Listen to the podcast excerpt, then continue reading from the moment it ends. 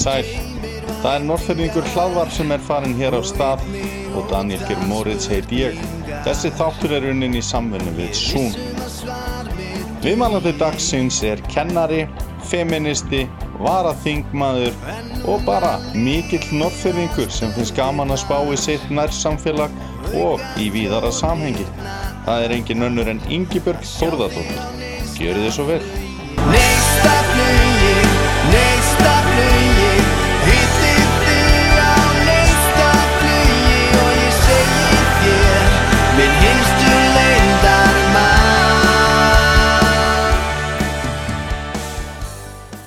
Akkur að bjóða mér í heimsókn hérna í Norrfyrringur hlaðvarp þáttinn. Þetta er svona, ég kem til annara sem eru þá eiginlega að koma í heimsókn í mín í þátt. Það er svona uh, konsepti hjá mér. Já. Gaman að koma hérna á Valsmýrina. Mér langaði nú eiginlega að byrja að segja smá sögu að þetta er nú ekki fyrsta sinn sem ég kem hingað inn. Nei, að að Amaðin og Afi byggu hérna náttúrulega að þú kemur eins og kannski einhverju hlustendu við það og einhver tíman var ég beðin um að koma og slá gardin hérna og þá hafði eitthvað misfarist að, að- slá svona aðeins svona í, í sumas og, og ég segi við Afaðin að hérna, já já, ég, ekkert mál og þetta tekur bara smá tíma og svona og og svo spyrir hann mig hvað þetta var mikið hvað ég ætla að taka fyrir þetta þegar ég er búinn og ég segja hann það og hann bara nei, nei, nei, nei, nei, nei það er allt og lítið. Og svo hérna segir hann mér að, að Inda sé búin að baka pönnukökur og ég skildi bara ganga frá dótinu og koma og fá mér sopa. Og svo fór ég heim með fullan maga af pönnukökum og svolítið meira heldur en ég ætlaði mér að rauka fyrir sem að lýsi nú kannski svolítið hvernig fólk þetta var. Að, ég, þú aðna, að við borgaði bara aldrei minni en 5.000 skall. Já, Það var eiginlega alveg hvað, hvað þess, lámarkið Já. var alltaf 5.000 skall. já, já, Þannig að það passar. já. Og hvernig er það svona fyrir þig að koma og búa hér og, og, og, svona tengjast með þitt heimili inn í hús sem að þeir eru örugglega þótt kært allan þínu tíð bara.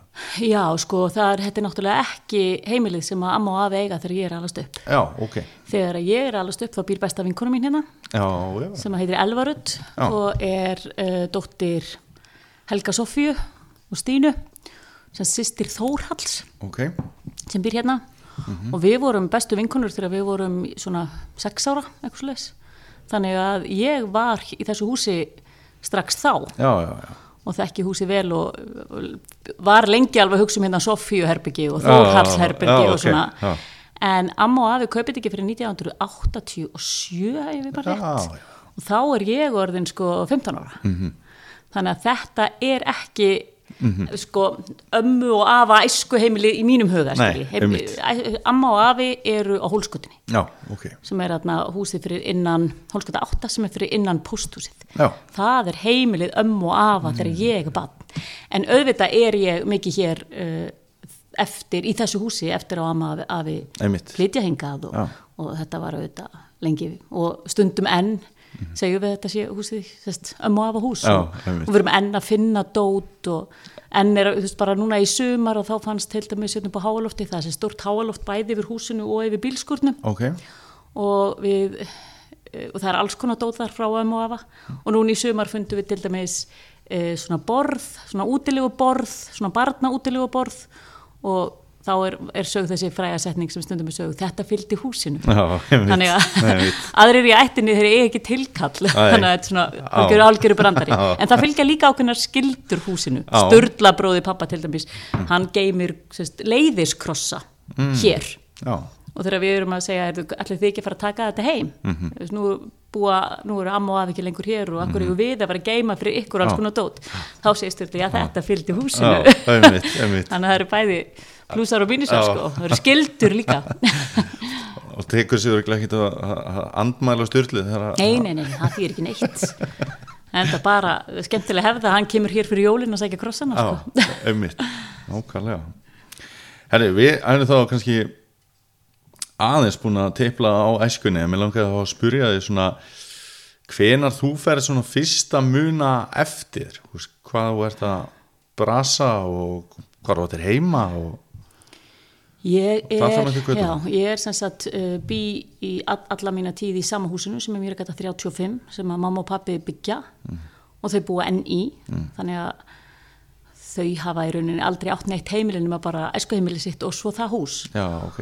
Og þannig að uh, mm, og ég er með frekar lélegt minni þannig að ég er frekar svona glataður viðmælandi um æskuna, æskan er ekki ekki svona ljóslifandi þannig. Æ, og uh, en minningarnar fyrstu eru auðvitað á mýragutunni og uh, þessi pínu litli heimur sem að uh, húsið og húsin eiginlega sem snertast verður.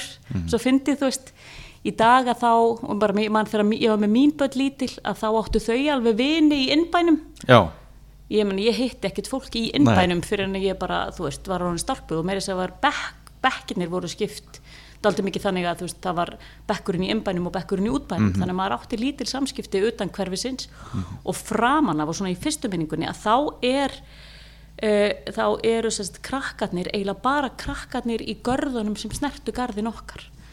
Það eru drífa og sævar við hliðin á mér sem einhverjir muna kannski eftir. Ok, já.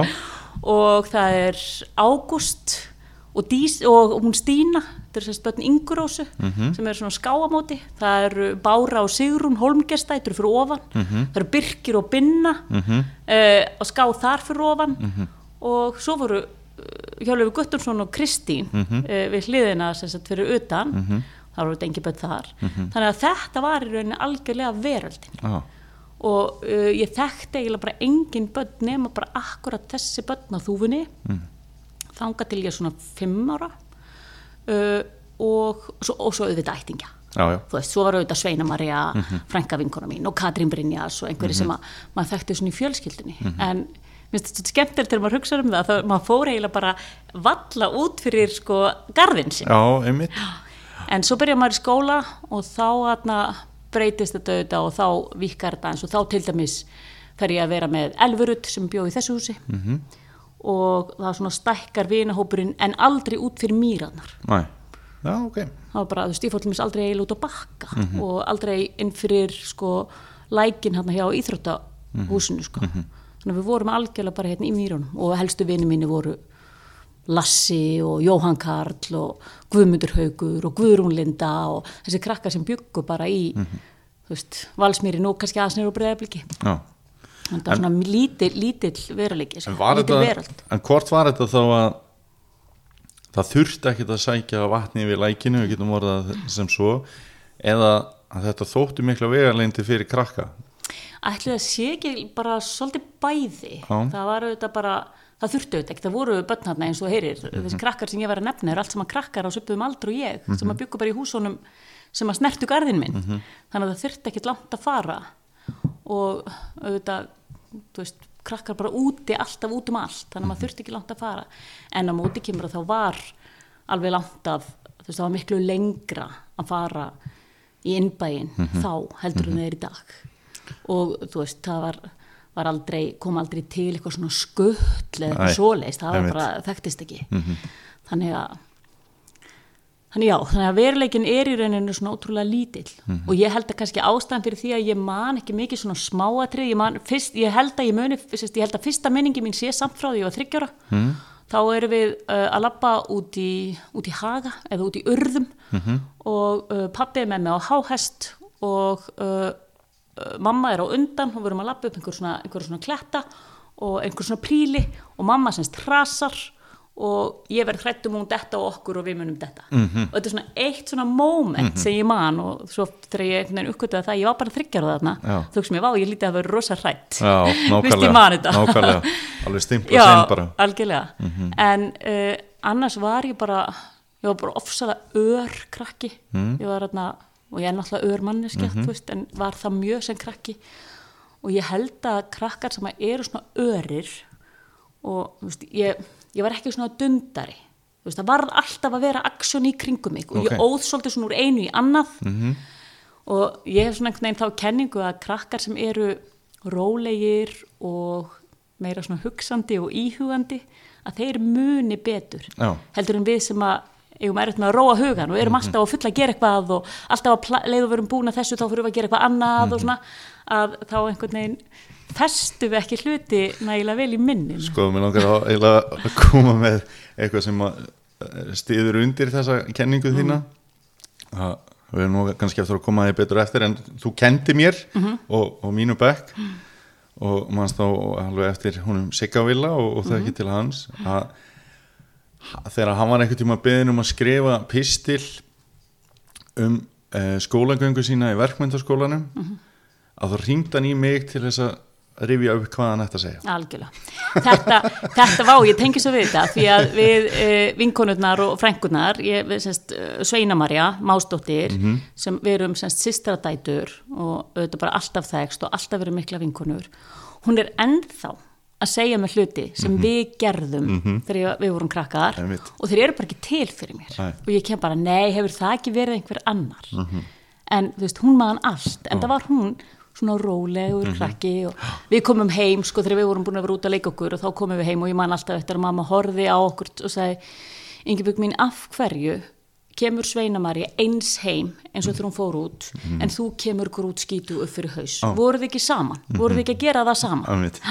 En þetta er bara karakter þetta er karakteringin og þú verður ekkert af skýringar á þessu sem krakki. Nei, nei, bara, ég var bara óþæg, það var mín upplifun. Og, og, og, og, ég, og ég er alveg ennþá þar, ég held ég hafi verið óþæg Mm. og erfið og, og Mér langar aðeins að tengja þetta saman við það sem þú varst eiginlega að koma áðan með aldurinn. Mhm. að, að byrja í skóla og kynnast öðrum krökkum og, og vera þá svona virkur krakki eða ör eins og þú kallar hann. Hvernig var að byrja í skóla þurfa að fara eftir reglum og Gísli Sikvarsson hefur vantilega verið og, sko, ég man ekkert eftir fyrsta skóladeginum og ég man, eiginlega- og man ekkert eftir fyrsta skóla árinu. Mm uh, það er einhver óljós minning að hún uh, Sigrún uh, mamma Gerðar og Bergrósar og Berglindar hafi kent mér í fyrsta bekk. Mm -hmm. þess að það hétt þá núlbekkur. -hmm, uh, og ég man ekkert eftir því. Síðan fer ég í fyrsta bekk og þá kenni Brynja mér. Brynja er þá bara kottnung mm. Öruglega bara hún er öruglega ekki hún er bara 25 ára eða eitthvað. Mm. og nýjútskrifuð og hún uh, var bara ekkert meira rosalega mikið að reglum. Já, ok. Og ég held að hún hafi verið afskaplega svona nútímalegur kennari og, og svolítið hippi. Mm og setti ekki mjög stífa reglur á okkur. Og ég man alveg eftir, þú veist, ég man eftir einhvern tímann hafa til mér bara skriðið út um gluggan á kennstustofinni Já, og eitthvað sem ég mátti örgulega ekki gera. Og, og Brynja kom bara og talaði við mig og, og þú veist, ég var ekki sendið í skóla það var gert nei, neitt mál úr því heldur var bara, þú veist, rætt um hlutina og af hverju varst að fórt um gluggan og, og eitthvað, ég man ekki lengur hvað það var. En þú veist, maður gerði eitthvað af sér og svo, náttúrulega var ég svo hræðilega gleimin og þegar ég og ég man ekkert eftir, svo kendi Steinun mér þrjú ár eftir það, Steinun aðalteins og hún var líka svona afskaplega svona þægileg og, og ekkert mjög stíf. Þannig að ég sem mætti náttúrulega yðurlega í skólan ekki með allt sem ég átti að mæta með uh, þurfti mjög oft veist, kom í skólan og þá sagði kennarin Ingibjörg hvað er leikumstóti þitt? Og ég veit það ekki. Og uh, þá sem þú lítur að hafa skilað eftir heima og þá þurfti ég að fara heim. Uh, og ég þurfti mjög ofta að hlaupa heim úr skólanum Já, ok. til þess að sækja eitthvað sem vantaði. Já. Og þarna, og sérstaklega það var íþróttadót eða sundót Mhm. ég var nú ekki látin hlaupa eftir einhverjum bókum eða eitthvað svo leis en var oft svona ekki með mitt á hreinu Mhm. og þær voru, þessi kennar voru ég upplifði ekki það að þetta væri eitthvað alveg ómögulegt og, og ég var eitthvað hræðileg eftir það en sko síðan þegar ég kem inn á miðstíð Mhm. að þá var þetta aðeins flóknara þá kendi Guðrýður mér Mhm. kendi mér í þrjú ár Já, og hún var mjög ströng Mhm. og hafði ekkert sérstaklega mikið umbyrlendi fyrir þessu mm og þá man ég eftir að hafa verið látin fara heim til þess að sækja bækur sko, Já. sem ég kom ekki með Mhm. og já, þannig að uh, ég held, mér, viðst, ég var bara ótrú, ég var svona glaður krakki Mhm. -hmm. og létuð örgulega ekkert á mig fá ég upplifi mig ekki að það ég hef verið í stansleisum árekstrum Nei. í skólanum sko. en samt svona, þú veist, það var alveg svona vesin á mér, ég man eftir að hafa þú veist, ekki geta að fara með eitthvað ljóð og verið skömmu fyrir það og þá bara hljópi út og Já. þú veist, ég var ekki ég var ekki svona krakki sem að kannski var bara leið og miði minn eitthvað, síndalveg tilfinningar Já, og, og man alveg eftir að hafa sagt hljótt við kennara Já. og eitthvað svona. Ok, Þannig að- þannig að ég, ég fungeraði ágætlega í skólanum, ég var, ekki, ég var alls ekki góð nefandi uh, ég man alltaf eftir að ég fekk alltaf allir mis S í skrift og einhverjum það voru þá A, G, S og L. Mhm. ég fekk alltaf S í skrift og það er þetta sæmilegt og var mjög léleg einhvern að því ég var auðvitað ekki svona dundar ég var ekki að föndra við það. Og líka í staffsetningu þegar mér fyndið að vera síðan íslensku kennari Já. sko. já, þannig að ég var í, ég var í svona, ég var ekki, ég var ekki sérstaklega góð nefandi Æ, ok.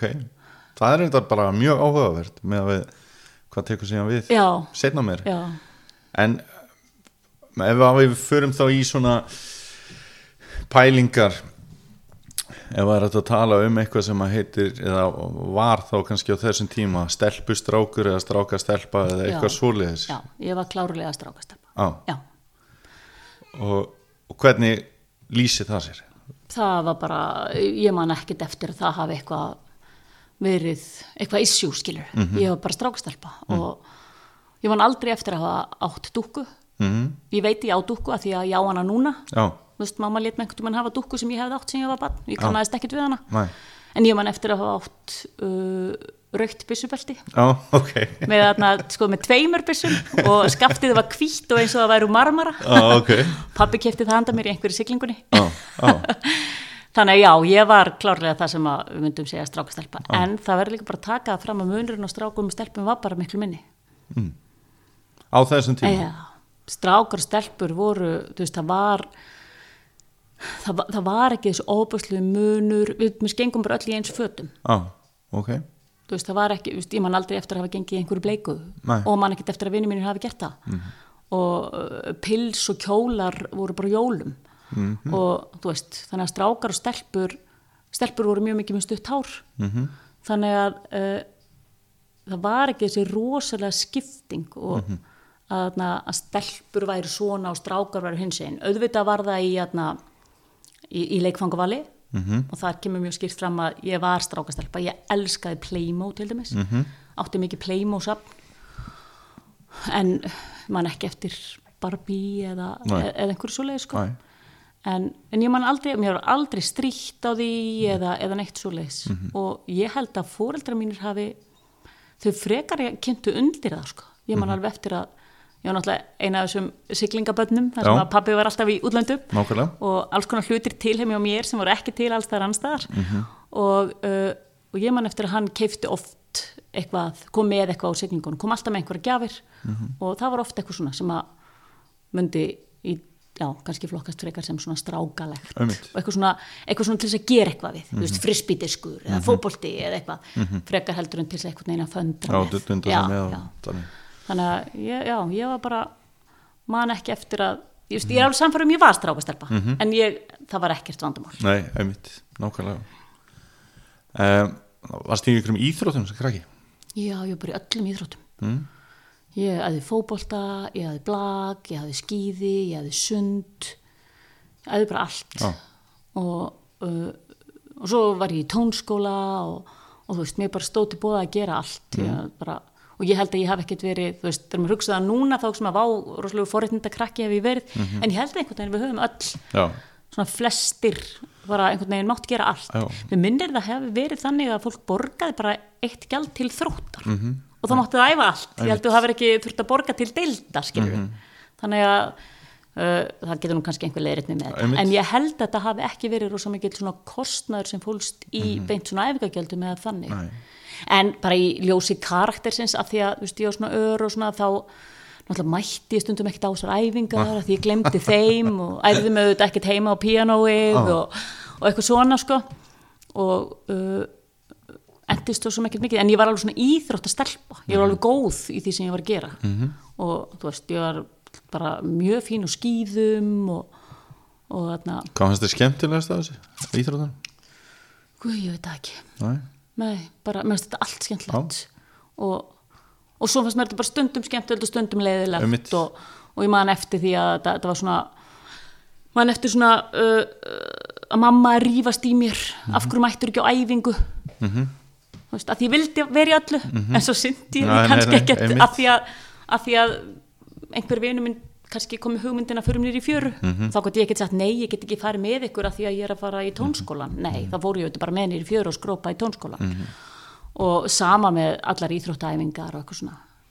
En þetta var, já, þetta var svona pínu uh, uh, allir pínu svona já, svona þrasi á milli okkar mömmu. Það var náttúrulega lent alltaf mömmu pappi var auðvitað bara eiginlega alltaf út í sjó.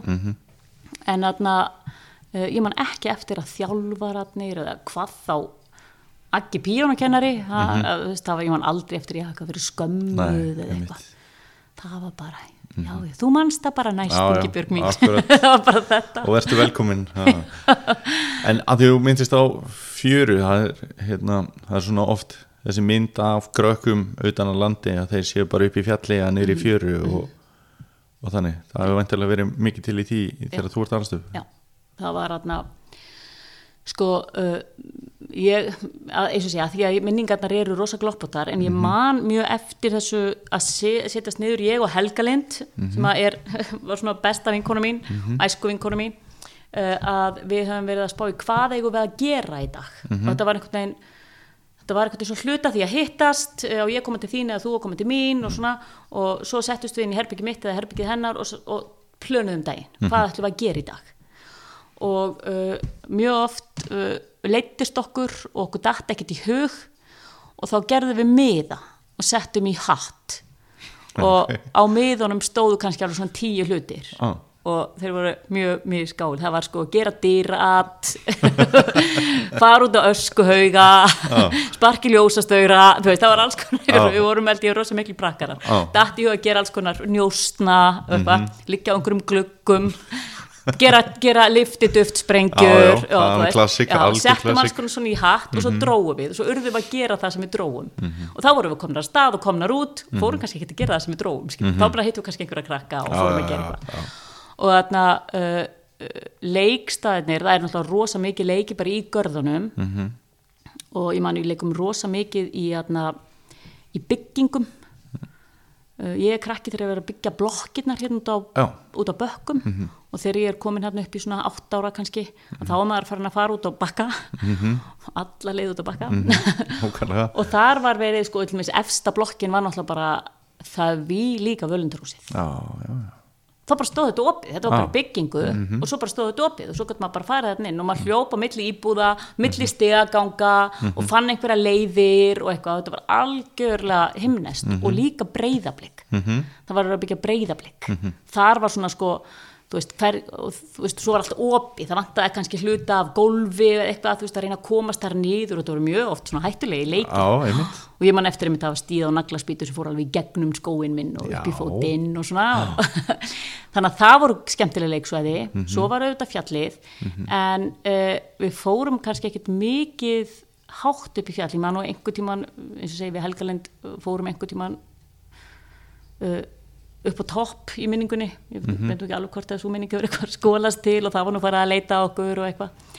En við fórum bara rosa mikið upp á Vassól mm og uh, vassbólið var auðvitað þarna og uh, á, á góðum dögum fórum við alveg þar inn í og buðum okkur og svona, sem var auðvitað stránglega banna og svo var rosa flott svona alveg klettaborg fyrir ofan vassbólið sem heitir Vasshóll og þar var bara undraveröld. Og þar leikum við okkur mjög mikið. Og vorum búin að búin að stúka það allt saman niður. Hér var eldúsið, hér var símaborðið. En ekki til í dag, en það var símaborð þarna. Og ískápurinn og þú veist það var alls konar við áttum alveg heila verið þarna. Í dag er þetta eiginlega á kafi lúpinu já, og ég, var alveg nokkur sem labbaði og reynt að finna ummerkin eftir Einmitt. okkur. Og það er alveg pínu flóki já, og svo fórum við auðvitað mikið í fjöru og á balanum fyrir neðan heimsenda var kofi. Já, og við áttum hann. Já fyrir neðan neskutuna þá já, Mhm. já bara þarna og, og þá var verið að byggja húsið sem að uh, Gummi Skúla Mhm. býr í í dag. Einmitt. Og uh, þarna áttum við kofa. Við áttum við ekkert í þessum kofa. Ég veit ekkert hver áttum við þennan kofa en þetta var kofin okkar. Og þarna vorum við rosa mikið fjögur, ég og Helga Lind og Lassi og Jóhann Karl. Mhm.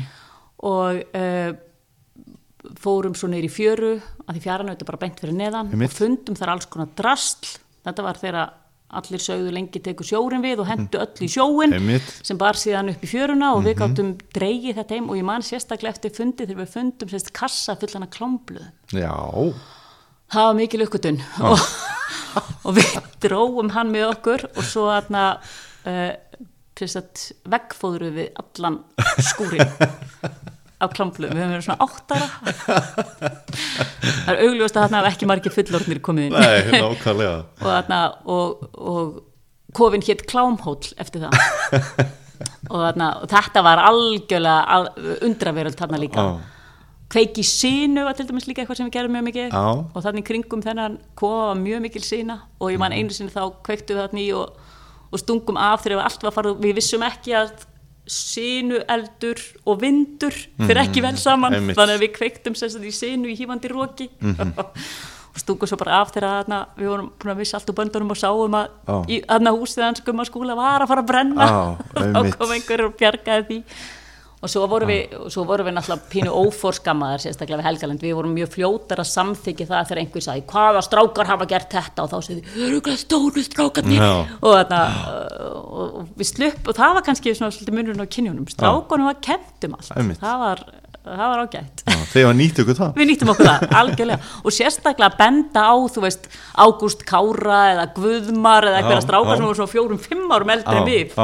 þannig að þeir þarna sem voru svona usual suspects Akkurat, já, það var flott að þarna, segja það að þeir hefðu öruglega gert.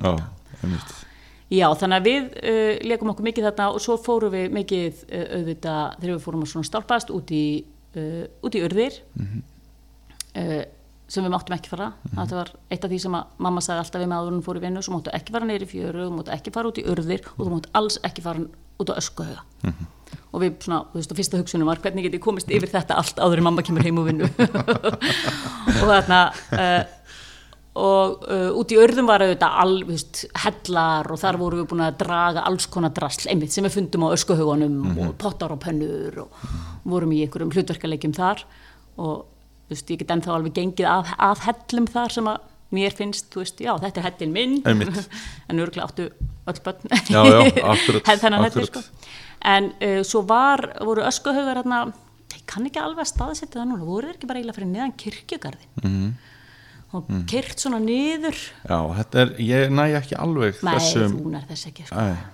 Þú er hvað, 74? 72. 72, já. Já, og þar voru semst öskuhaugar bara opnir Mhm. sem að uh, var kveikt í. Ef að það var semst, ef það var austanátt Mhm. þá kom uh, öskuhaugafílan í þvottinanu mömmu. Og ef það var vestanátt þá kom bræðslufílan það var stórkvæslegt Einmitt. en og út á ösku, og þið farið þetta út á öskuhauga það sem eru bara opnir öskuhaugar og þar getur bara gramsað í öllu sem allir er að henda. Já, og þarna var bara öllu hend já, og þetta var auðvitað bara algjörlega paradís fyrir krakka. Og svo var allt vilt að róttum Mhm. Já. og ekki var það nú verra. Já. þannig að maður gæti æft sig í því að henda grjót í róttur já. Já, ok, ég hugsaði bara, já, ég myndi koma mér í burtu bara fljótt og ég Já, gat. nei, nei, nei, það var hluti af, að alveg, þetta var eitt af því sem að maður gerði alveg, eigum við að fara út og ösku og hega að dreipa róttur, Já, já, þetta var bara svona eins og eigum við að fara að gera dýrat, Já. já, ok. Já, já, og, þarna, og það var allt morandi í róttum, já, ok þetta var áður en Már Sveinsson útrýmdi róttum úr fyrðinum, þá verðum hún eilíflega Já, þakklátt fyrir það. það er mikið þreikverki Já. Já, þannig að ég er bara svona dæmigerð held ég þarna bara svona landsbyðastelpa sem að Mhm. lék mér í náttúrun og því sem að var í kringum okkur sko. Mhm. Þá langar mig að að fara í næsta kabla Mm. Hvernig er þá fyrir svona öran krakka að fara úlingsaldur? Það var rosa erfitt. Já, Það var svakalega erfitt. Ég átti mjög erfið úlingsár. var mjög bara rosa erfitt úr úlingur. Fannst bara, ég lendi alls konar bara krísum og, og ég og þá til dæmis valdi ég stundum bara að vera ein ok og bara mér leiði oft illa og ég náði ekki utanum hlutina og það er auðvitað held ég svolítið út af því að ég veist, ég róaði mig veist, ég hef alltaf, að það sem bad þá átti ég oft erfitt með að sopna á kvöldin. Ok, af því að mér vantaði einhverju svona ró. Já, og það eiginlega ágerðist bara þegar ég var úlingur ok. Og, og ég var mjög upptekinn að að ég ætlaði að ég ætlaði að vera aðal og ég ætlaði að fitta inn og ég ætlaði að, þú veist og, og Mikla Já. kröfur. Já, og bara einhvern veginn ég ætla alveg að gleypa heiminn sko. ah. þannig að ég er orðin bara frekar erfiður úlingur bara bara fáran lung sko, bara Já. 13 ára eða eitthvað þannig að Og, hva, og hvernig gerist það? Er það þá að þú tekur það út heima þegar finnst þú ekki vera að ná þessum styrluðu markmiðum eða veist, hvernig nei, þetta er er ekki svona útpælt sko. Nei, nei, alls ekki nei en, en, þú veist, svona hugsa hugsa, ég, þú veist, þegar ég hugsa tilbaka og reyna Já. einhvern veginn að taka utan um þetta þá bara uh, og ég meina ég er auðvitað að vinna með úlingum ég hef unnið með úlingum alla tíð. Ég hef aldrei gert annað en að vinna með úlingum bara síðan ég fór á vinnumarkaðin skilur sem fullur manneskja.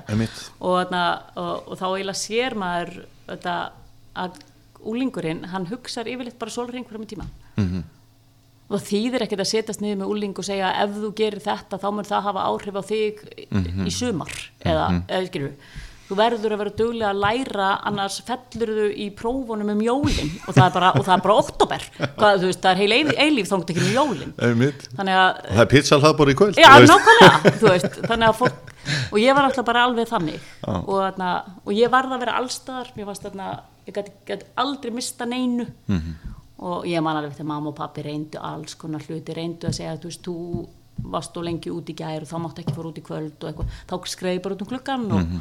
Og ég var bara rosa, já, rosa óþæg. Mm. og, og ég þarna, og þegar ég er, veist, ég er í rauninu búin að vera erfiður úlingur lengi og búin að reynast fóreldrið mínu mjög erfið þegar ég kemst að mennskóla aldrei sko. Já, já.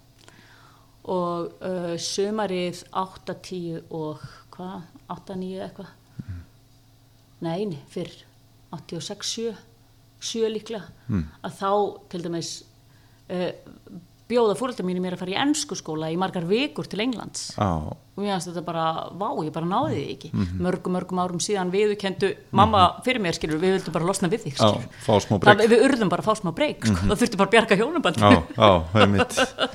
Þannig Ákveðlega að, já, ég fór sem sagt Og allir grættu bara? Allir grættu, ég fór, í, fór 15 ára í ennsku skóla í Scarborough í marga vikur og alveg var hann sumarið og ótrúlega gaman og, og einhvern veginn, já, það var allt eiginlega pínu auðveldra eftir það. Já, ég held einhvern veginn að við höfum þurft á því einhvern veginn að halda. Einmitt. En eins og með svona tjútið bara djam og, og, og þannig sem úlingur ég meina að bera saman þú veist, mér finnst, þú veist, ég er kannski svona næsta kynslu á eftir þú veist, ég er Já. 85 og svo sem maður eins og úlinga í dag mér finnst það allt öðru þessi í gangi í dag heldur en þegar við vorum þú veist, minnaldur. Og það var eiginlega allt annað í gangi líka þegar ég er úlingur og svo þið er úlingar allt breyst svo mikið til batnaðar Já, það verður engin reyðar en ég þegar ég heyri talað um þessir úlingar í dag. Einmitt, Já, ég var Einmitt. ég sé bara í dag. Já, þau eru bara eins og ljós. Það er mitt. Og þarna og ég veit ekki og þessi og það er bara, við höfum bara náð alveg frábærum árangri sem samfélag að uh, einhvern veginn foreldrar svo mikið með börnunum sínum og þú veist, það má, það má alveg alveg líka fara með þetta í hring og segja bara að þetta sé aðeins svo mikið og allt það en það er samt þannig að foreldrar fylgja börnunum sínum og þau eru með eftirlit með þeim Mhm. og þau eru meira svona inn í því sem þau eru að gera Mhm. og og svo er bara uh, þú veist, kra- krökkum þetta bara ekki í hug að gera það sem að úlingar voru að gera þú veist, þegar ég voru Nei. úlingur og, þarna, og þegar að ég uh, byrja á að fara á það sem við getum kallað djammið Mhm. þú veist, þá eru uh, böll hér um allt Austurland. Þú veist, bara ball um hverja helgi og það er ekki ball þá bara partí í einhverju verbúð og þú veist, ég næ þessu bara. Og þú veist, það er eitthvað brjálað partí um hverja helgi einhverstaðar Mhm. og svo er maður bara með falsa skýrtinni og þú veist, maður er bara 13 ára og komin á böll. Mhm. þetta er náttúrulega bara sjúklega óholt og óheilbrygt sko. og kannski mætti líka segja að hafi verið mjög jáka að sé að eiga sér stað og búin að vera kannski svona síðustu 5-7 árin svona jáka breyting líka út frá bjórmenningu sem hefur verið að koma. Þú veist, fólk hefur líka verið að skemmta sér allt öðruvísi. Já, algjörlega. Þú veist, þarna var kannski frekar eitthvað landamenning eða, eða, eða mæta með sterkaflösku og svo gerist bara eitthvað það kvöld það auðvitað aldrei neitt bar fólk var alltaf með vínið sitt með sér og, og allt það Mhm. já og bara og líka bara, þú veist það var ekki bara úlingarnir sem voru veri Einmitt. það voru líka fullandi fólki sem Einmitt. Mhm. var vera og ég meina maður fór á eitthvað ball og það var bara alvanalegt að það væru 10-12 mann sofandi á ballinu á miðju balli Einmitt. Þetta gerist auðvitað alveg í dag en það er bara svona æ greið, þannig hefur bara eitthvað mistöki hann hefur bara Mhm. Já. drukkið og mikið Já. og þetta er eitthvað svona tilfallandi Já, og eitthvað já. en það var einhvern veginn bara svona lenska fólk drakk sér bara algjörlega út úr Mhm. þannig að na, já, þessi menningur öll bara Mhm. einhvern veginn betri -hmm. og hvernig var það er nú örgulega verið svolítið spennandi að, að lendi á einhverju verbúð eða að komast í eitthvað svona partí og, bara það er bara algjört rugg Já. þú veist, og maður líka velti fyrir sig hvað þú veist og sko við stelpunar, við vorum náttúrulega uh, jafnaldrar okkar, strákarnir þeir voru náttúrulega bara smákrakkar. Við vorum bara með strákum sem voru konur yfir tvítugt Mhm. og þú veist, og maður hugsaði hvað voru þessir fullort menn að eldast þessi börn? Mm. -hmm. þetta er bara sjúkla og eld þannig að já, það er mjög margt bara mjög off við, við þetta sko og ég man eftir að hafa farið í eitthvað partí á Eskifjörð, máttu náttúrulega alls ekki fara og stalst og eitthvað. Og var mjög upptökin af því að ég yrði að verða komin heim klukkan eitthvað. Og það nú einhver, einhver töffarinn hérna á einhverju verbúð sem að taldi mér nú á það að þetta væri nú allt í lagi, hann myndi bara skuttla mér Hmm. á eftir. Svo er klukkan orðin heimferðatími fyrir mig og ég fer að ganga á það. Býttu þú lofaðir að skuttla mér. Þá var hann bara döða drukki Mhm. Hann skuttlaði mér. Og ég man eftir að hann sopnaði í göngunum meðan hann var að býja eftir að hurðin eru upp. þá svaf hann. Og svo þurfti ég bara að vekja hann. Og ég man semst, ég var ekki ég hafði engar áhyggjur því að við myndum lenda út af Nei. eða ég myndi lenda í slisi eða Nei, eitthvað slíkt. Nei. ég hafði bara áhyggjur því ég þurfti að vera komin heima réttum tíma. Þannig ég bara sparkaði hann áfram áfram, þú verður að keira mig heim. Og þetta segir svo ótrúlega mikið um hvar þraskin var Já, já, hvað ég hef náttúrulega verið fáránlega ung. Já. Já, og ég meina þetta er bara heimild um tíman frekar heldur en heimild um þín, já, já, já það ég mig alveg á því að þú veist, sagan sem ég veist, uh, ég sem úlingur er bara eina af rosa mörgum Einmitt, sko. einmitt. en það voru auðvitað ekki allir. Nei, veist, það var alveg líka þú veist, það voru skiptist í vinahópa. Einmitt. Og maður einhvern veginn og örgulega allir mér fannst ég alveg vera þú veist, sko, í töffhópnum sko, Já. Meðan að eftir á að higgja veit ekki alveg hvort þetta var svo einmitt.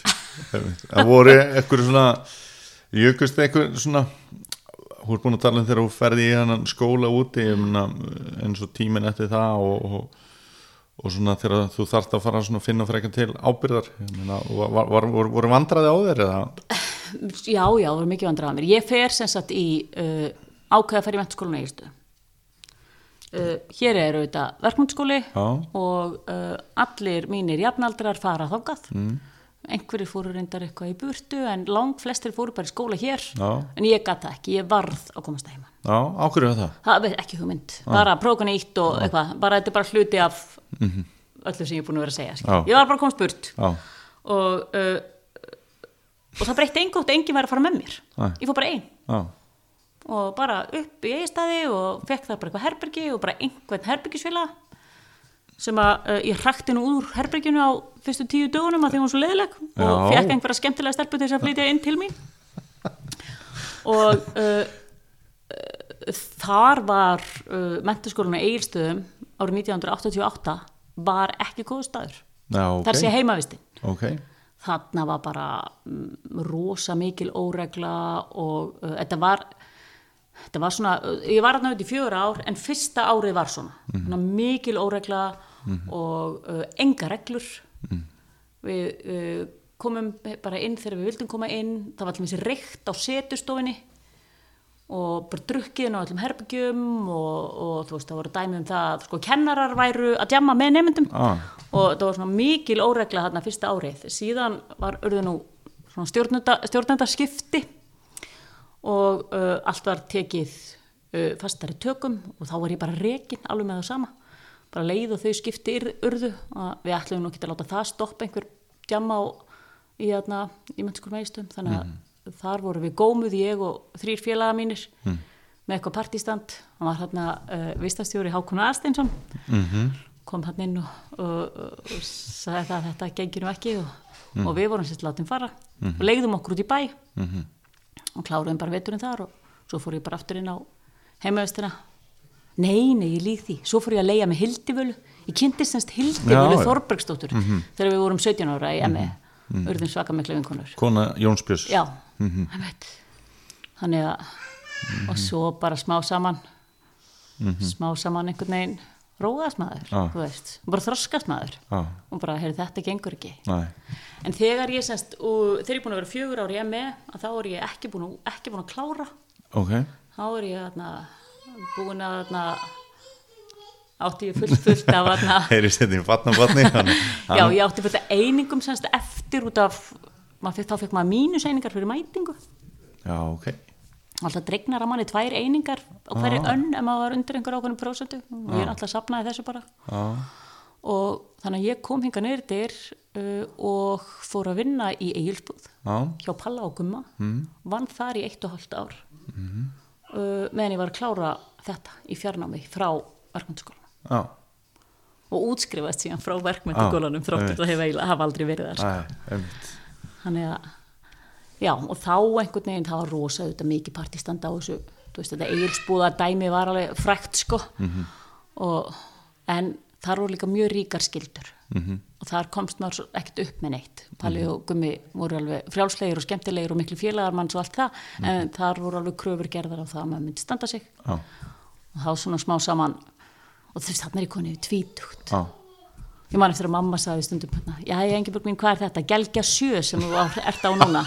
Ferð ekki að fara að fullornast. en það gerðist svona um það leiti. Og svo fer ég til Akureyrar 1994, þá 22 ára. Og fer í kennarna. Mér langar aðeins að spyrja veist, með hérna eigilsbúð á þessum tíma þetta er þú veist, ég er svona man eiginlega ekki eftir þessu Þetta er pizza 67. Já, er þetta ekki svona e, ákveðið svona blómaskeið Jú, í svona örugglega. túrisma og Túrisma veit ég nú ekki. Nei. Við ekki mu- muna mikið eftir einhverjum ferðamönnum. Nei, ok. En við erum auðvitað þú veist, það var verið að gera æfingar með mými Já, og, og þetta var held ég ekkert mikið blómaskeið, sko. Æ, æ, En jú, jú, það voru, far, far, það voru einhverja ferðir ég man eftir að hafa verið dubbuð upp í þjónagalla og, og farið um borði í, sk- í atna, bátinn og við sildum yfir í viðfjörð og þar var grillaðan í liðið og eitthvað svona. En þetta voru ekkert, þetta var ekki þannig þetta væri þessari viku eða eitthvað svo leiðis nei, nei, nei, en það sem að ég held að hafi kannski haldið Egilsbúð gangandi og Egilsbúð gekk vel var að uh, yfir veturinn að þá var rosa mikil traffíkir af sjómunum Já, og uh, til dæmis bara það, það er bræla -hmm. og það er kannski bara 13 skip í landi skilur. já, einmitt og Há nöðvelt að telja í og halda ball bara já, nei, og líka bara þú veist, og, og það er kannski þriðjudagur jafnvel Já. og þú veist, ég er að vinna á barnum Já. og ég er ein Já. og það var þannig, maður var bara einn á barnum á kvöldi Já, og, þarna, og svo bara fyllist barinn Mhm. og þá bara hringt bara og kallað út mannskapur og, og svo er alltaf allt vittlust mm. Já. getur ímyndar þegar eru uh, 200 aðkomumenn uh, Einmitt. 20 heimamenn Já. og 10 stelpur. Akkurat. það var þetta alltaf allt brjála Nákvæmlega. En hvernig sko, ég held að við séum nú kannski sammála um það að þú hafi kannski ekki verið þá dæmigert kennara efni með að hvernig skólaganga var og þessi ærsl. Nei, alls ekki, en ég, samt sem aður er alveg fárand, ég hefði samt hugmyndir um það að ég, mér langaði allir með svo rithöndur Já Er, er sá draumur alveg úti? eða? Nei, nei, ég hef alveg stundum uh, fór til dæmis í, hérna, á námskeiði fyrra í ritlist og eitthvað svona Já. en þarna, já, þetta var eitthvað sem ég ætlaði að vera sem að er líka ótrúlega í mótsögn með karakterinn sko. Já, já, já, einmitt en þarna eh, en ég er í rauninni bú mjög fljóta uppgöta það að styrkleikar mínir liggja nummer 1, 2 og 3 í samskiptum í bara mannlegum samskiptum einmitt og það var einhvern veginn þess vegna hefur verið svo fáralt að vera reythöndur Já. þú veist, ég, ég, ég svona þrýfst svolítið á því að vera innan um fólk og, og eitthvað. Það er svona saga að reythöfundar skrifa frá sér alla vini. Já, akkurat. Já, þannig að ég atna, uh, held að kennara, að þess hugmyndunum að fara í kennarnám hafi svolítið einhvern veginn svona sprottið út frá því. Mm. Að þar væri eitthvað. Og, ég, og eins fáralt að það hljómar að þá ætlaði ég að vera sko yngri barnakennar Já, ég ætlaði semst að kenna sex ára bönnum og fór í kennarna með það í huga fór í háskólan Akureyri. Og þegar ég fyrir í æfingakennslu að þá atna, segi ég við leiðbennandi minn að ég vilji helst vera að kenna litlum krökkum. Og, hún læt, og ég er hjá henni í svona einhverju æ, hvað heitir það, svona áhorfi? Eða þannig, fyrst í einhverja vikur. Og, og hún einhvern veginn bara náði aldrei hvað, hvað ég var að pæla með þetta barnadót sko. Æ, og endar með, svo með því að setja mig í, í að, að kenna 12 ára. Mhm, og svo í einhverju viðtalinu segi ég við hana ég held kannski bara að 12 ára og jáfnvel kannski eldri muni henda mér. Og þá bara sprakk hún og. Já. og það er loksins að þú fattar Já, það. því að í dag er ég sko ég er ömuleg með lítil börn. Mhm. ég man eftir því þegar ég var að byrja að kenna hér. Mhm. ég flytt síðan til Neskústað 1998 og þegar ég er að kenna nýri í Neskóla þá lendir maður í því að þurfa að fara í afleysingar. Það er einhver veikur Já, og það farið í forfallakenslu hérna nýri í sex ára. Mhm. ég var galötuð sko. Já, ég, bara, ég dreiði bara verkefnum, já ég gerði þetta. Já. og þá fór kannski bara einhver, hvað barnið að gráta. Já. og ég horfði bara á þessu, akkur er þú að gráta? Akkur gerir ekki bara verkefnið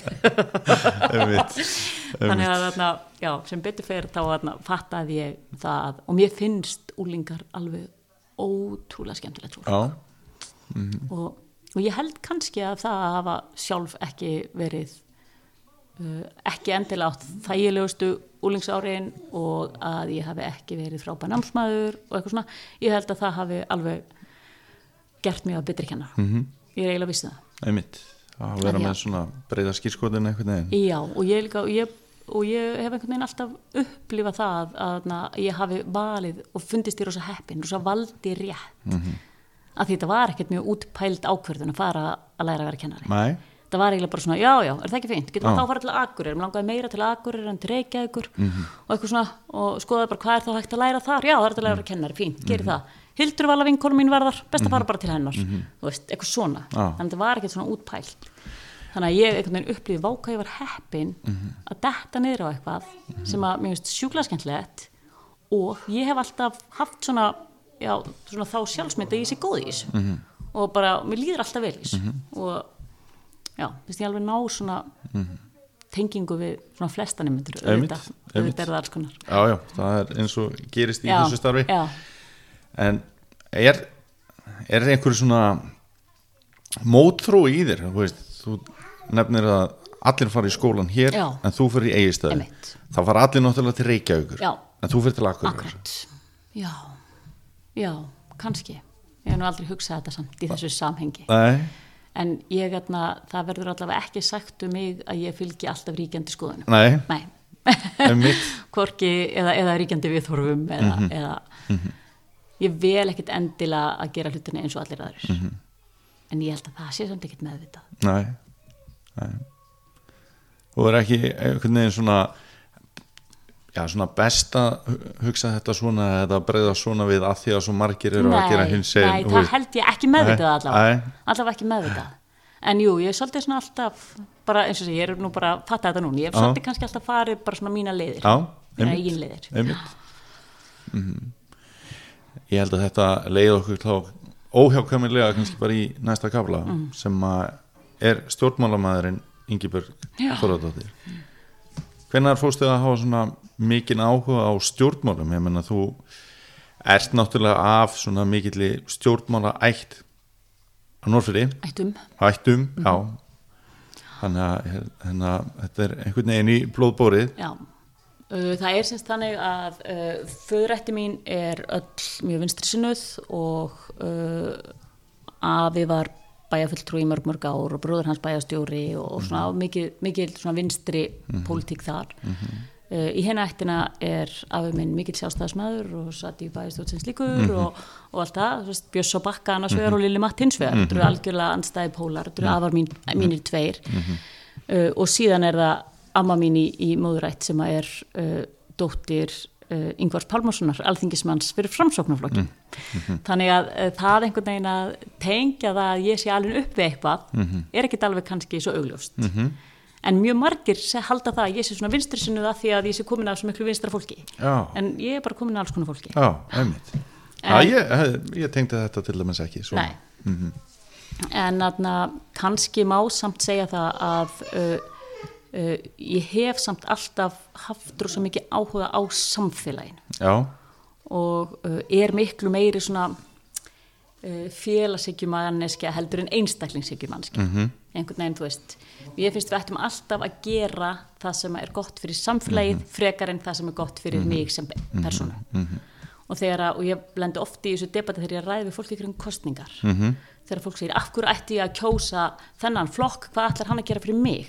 Ég seldi, nú ertu bara rangur hitt þú ert aldrei að spyrja þessu. Nei. þú ert alltaf að spyrja hvað ætlar þessi flokkur að gefa fyrir samfélagi sem ég bý út af það ganga stjórnmál, ekki það að þeir ætla að fara að borga þér einhverja peninga. Mhm. Einmitt. þú veist ekki kjósa flokkin sem ætlar að borga þér einhverja eingreðslu Mhm.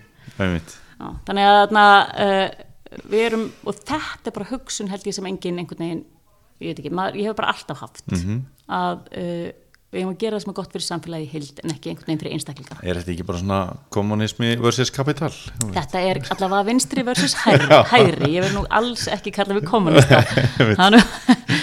En þráttur að hafa farið í kommunistabúðir 84 til austur Þýskalands. Já, segðu mér aðeins frá því.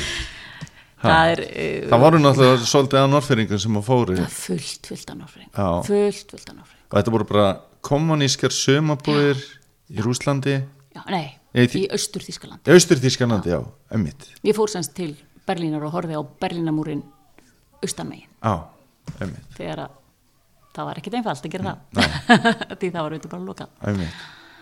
Já, heyrðu, það er hérna, ég er nú búin að segja þá sögu svo oft, hann hafði svo rosalega mikla, mikinn áhuga á þeirri sögu, hann Grímur Hákonason Já, sem að gerði hérna myndina Litla Moskva, Einmitt. þar sem ég er einna viðmælutum emmitt. Og svo hefur einmitt, hef ég rætt þetta við blað, bl- blaðamaður sem hringdi mig og vildi ræða þetta frekar og svona. En uh, ég, þetta, þetta er þrátt fyrir að þetta hafi verið hugsað sem uh, sumabúðir til þess að ala upp uh, kommuníska æsku Já, að þá hafði þetta engin áhrif á mig sem slíka. Æ, bara engin, ég var 12 ára. Mhm, ég var yngst í hópnum. Mhm, þarna voru krakkar sem voru uh, tveimur árum eldri en ég og ári eldri en ég. Þannig að við, og við vorum bara tvö ég og Óskar heitir hann frá Vestmannegjum við vorum bara tvö sem vorum 12 ára. Og við vorum bara í sumabúðum emmitt. það var bara ógslag gott veður og, og við vorum bara syndi í einhverju vatni og svo vorum við bara í alls konar ferðalögum. Og við fórum út á hverju mótni og dróum austu þíska fánan á húni og sögðum Die Deutsche Demokratische Republik. Já. ég veist ekkert hvað það þýtti Nei. ég sagði það bara, Já. að þið átti að segja það. Og ég fór upp á svið á einhverjum uh, mín í ólimpíuleikum og söng mæstjörnuna Já, og ég vissi ekkert að mæstjörnan væri eitthvað annað heldur en bara fallið slag, ég vissi ekkert um hvað mæstjörnan væri. Veist, ég, ég var ekki svona þengjandi bann og það er mjög fyndið að þarna, uh, ég hef, síðan aðeins uh, kynst foreldrum þessa Óskars. Já, þetta hafði alls konar áhrif á hann. Já, hann sko tengdi við alls konar og þetta, einhvern veginn hann skildi þetta allt saman. Já, já, já. Ég var bara svo öður, ég skildi þetta ekkert. Ég var bara að syngja. Erum við ekki að fara að syndi í þessu vatni? akkurat, já, akkurat. Og þarna, en svo var alls konar líka liðilegt þarna, ég man við fórum og skoðum útrýmingabúðunar í Sachsenhausen og ég enn þann þetta skil ekki okkur að vera að fara með börn þar inn uh, og ekki endilega útskýra hvað var í gangi. Mhm. ég man alveg eftir að hafa bara þú veist, verið bara að reyna að halda, gráta ekki Já. þegar ég var látin horfa á einhverja mynd af uh, geðingum í fjöldagröf og eitthvað, þú veist ég, en samt Galnar aðstæður? galnar aðstæður, skilur, hvað var verið að draga mig inn í þetta? Og svo var ég sendin til, að minni Dresden þar sem ég bjóin og heimili hjá fólki. Mm. gömul hjón sem ég bjó hjá. Átt að vera þar einhverja þrjáta ömulegt, ömulegt og alls konar einhver svona absúrt aðstæður sem ég lendi þar. Þannig að, en heilt yfir og það bara geggjaða sumbúður Já, hvað er þetta langur tími? þetta voru held í fimm vikur Fimm vik, já, ok talandi um að það er breytti tímar Já. hver sendir Já, 12 einmitt. ára gammal spann í fimm vikur til Já. með 18 ára gamlum farastjóra Já, Þú skurðu að farastjóri? Nei. Hún heiti Sigriður Arnardóttir og gengur út nafni Sirri, hjá Sirri. já, Hún var semst farastjóri. Hún er ekkert mikið en ég. Nei, þetta er ógislega Hún bara ábyrð á 20 krökkum hann í Östuðísklandi. Já, og voru þetta krakkar bara á öllu landinu. Já, já, já. Við vorum þrjár hérðan, ég og Heiða, uh, Einarsmás og Helgu Já, og Nonna, Ella. ok, Hún hérna, já, dóttir Önnu Þrúðar og Ella sem er ekki margir minn eftir. einmitt Hún byrjuði nú bara eigistu. Já, svo voru þarna krakkar sem að uh, ég týndi náttúrulega öllum þessum krakkum Mhm. uh, eins og segi, ég kynntist síðan setna meiri gegnum pólitíkina foreldrum Óskars já, uh, þau eru semst í Vestmanni já, uh, uh, veit ekki hvort þú kannast þegar Ragnar Óskarsson í Vestmanni örgulega aðal vinstri kallin þar. Já, og þarna uh, svo kynntist ég honum Kristni Kristin Sævar held ég heiti frekar en Kristin Sævarsson í gegnum Eistnaflug og uh, svo auðvitað, svo var hérna hann uh, lögfræðingurinn Vilhjálmur H. Vilhjálmsson var í Ok. okay. Ísarferð líka Ok, og maður sér hann alltaf svona einstakarsinum mhm, þannig að já, þetta var bara alls konar fólk já, öllum áttum ok En þú segir að þetta hafi ekki haft teljandi áhrif Nei, nei, nei. á þig en, en Ég, og ég hafði ekkert miklar pólitískar skoðanir lengi framan af og Æ. bara sem úlingur og ungkona þú veist, ég svolítið bara já, hafði ekkert miklar skoðanir einhvern veginn var bara svolítið eins og flestir allir bara einhvern veginn Mhm. uh, pínu uh, heila þegin að því sem aðrir sögðu mér að gera og, og eitthvað svona og bara allt frábært sem Smári Gersson segir og eitthvað svona, Mhm. þú veist að því maður var alveg það og, og eitthvað. Þannig að, að það er eiginlega fyrir en að ég er uh, uh, hvað ég að segja, þetta er svona í kringum kannski 2000 og 2004-05 sem að ég uh, fer að já, að ég finn það að ég hef, hafi, svona, hef mikinn áhuga á og þá ekkert einhver, einhver flokks, pólitísku starfið eitthvað, ég verð bara að hafa svona áhuga á að leggja mitt að mörgum til ákveðina málefna. Mm -hmm. Númer 1, 2 og 3 voru það jafnbreytsmál mm -hmm. sem að einhvern veginn ég fór að brenna mjög fyrir og ég fór einhvern veginn að reka mig á aftur og aftur á svona klikkuð klikkað og, ég breytti, ég breytti hér og þar sem að mér fannst einhvern veginn fárinlegt að ætla ekkert að gera í. Já, og uh, svo voru það umhverfismál. Og einhvern veginn uh, verð varð alveg svona og þótti ofbúslega vænt um náttúruna. Mm -hmm. einhvern veginn sem ég hafði ekkert verið áður. Mm -hmm. Vist, ég man alveg eftir að finnast að hafa fundist góð hugmynd að fá álverð til Ísland svo eitthvað.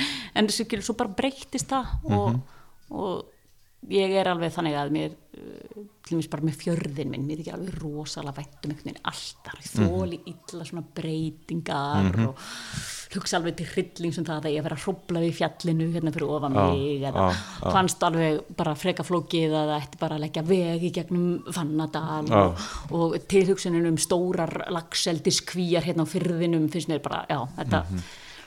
en þarna verði ég aftur á móti mjög svona þú veist, þú þykist- ég vera eiginlega samfélagslega þengjandi en þetta er líka úrlega persónlegt að þetta snerti mann meira því þetta er Mhm. hér. Já, já, þú veist, eins og ég sagði einhvern tímann já, vil ég ekki bara setja fleiri lagseldiskvíjar í reyðafjörðun hann er hvað sem er orðin svo mengaður já. svo getur maður orðið svona hræstnari sko. En þú byrjar í bæjarpolítíkin aldrei í bæjarpolítik Nei, Það er ok. aldrei í bæ- bæjarpolítik ég, þegar ég fer að vinna hjá uh, verkmyndsskólanum árið 2003 Já, að þar er uh, mjög mikið rætt um pólitík og kennarstofunni já, og ég fann það að í þeirri umræðu að þá voru skoðanir mínar oft uh, á öndur meði við þá sem ég var að tala við. Já, og þeir voru samt sem að flesti vinstrimenn einmitt og uh, ég var mjög ósamalega þeim, ég fannst þetta allt saman að vera einhverjir kallrempupungar sem að var alveg saman um náttúruna og, og þetta var sérstaklega í þessu tvennu, þar sé jafnbrettsmál og umhverfsmál sem Já. ég var oft svo oft ósamalega þeim. Einmitt, en aftur á móti alltaf sammála einum á kennarastofunni. Og það var Gunnar Ólafsson. Já, sem var þá líklega varaþingmaður VFG og uh, hann kemur síðan einhvern tímann til mín og segir við mig Ingeborg minn heldur að þú, þú ert nú uh, augljó, átt augljóslega heima í VFG og ég segi já ég held ég alveg kjósi VFG, ég ger það. En ég hef aldrei séð mig fyrir mér sem pólitíkus árið 2007 kemur síðan hér fótboltaþjálfari sem heitir Halla Gunnarsdóttir. Mhm, og hún fyrir að þjálfa uh, dóttur mína. Mhm, og við svona, og við vorum nú reyndar lengi að kynnast, það var eiginlega ekki fyrir en bara svona til lóksumarsins sem við fórum að ná saman sem einhverja vinkonur og fórum að ræða saman um stjórnmál. Og þá uh, hvatti hún mig eindrið til þess, hún sagði bara landsbyggðin þarf á þessari rödd að halda. Einmitt. Það er bara, þú veist, það eru næstu því engir í þessum bæja og með þessar skoðanir. Það er engin að tala um jafnbreytsmál hérna. Og, og fólk kemur nú ekki á tómum kóan, kóanum hjá höllu. Nei. hún hefur nú aldeilis uh, Hrist upp svona- í liðinu. já, Já. svona augrað þessum staðalímyndum og kannski það sem að ég tengja hana mest við en alltaf þegar hún bauði sig fram til formans Formanns KSI sem að og fekk hvað, þrjú atkvæði já, já. veist og fólk var bara hvað, ég held að það er öðruvís í dag til dæmis þegar hérna Gunni Bergson var kjörinn að þá var mikið verið að pressa á Gunningu sem var búin að starfa lengi í KSI og, og, og vildi fá hana Já. inn en þegar Halla gerir þetta þá er það bara einhver stelpu beigla Já, að rífa sig já, sko. akkurat og vill, og vill, og vill meira segja að hafa jafnbretti og, og vill að, að konur í fótbolta fái sömu, Já, sömu kjör og kallar í einmitt. galin hugmynd þannig að, já, já, þetta er Já, og þannig að þú veist, hún íti mig síðan svolítið uh, áfram í þetta og þá veginn var ég farin að hugsa þetta.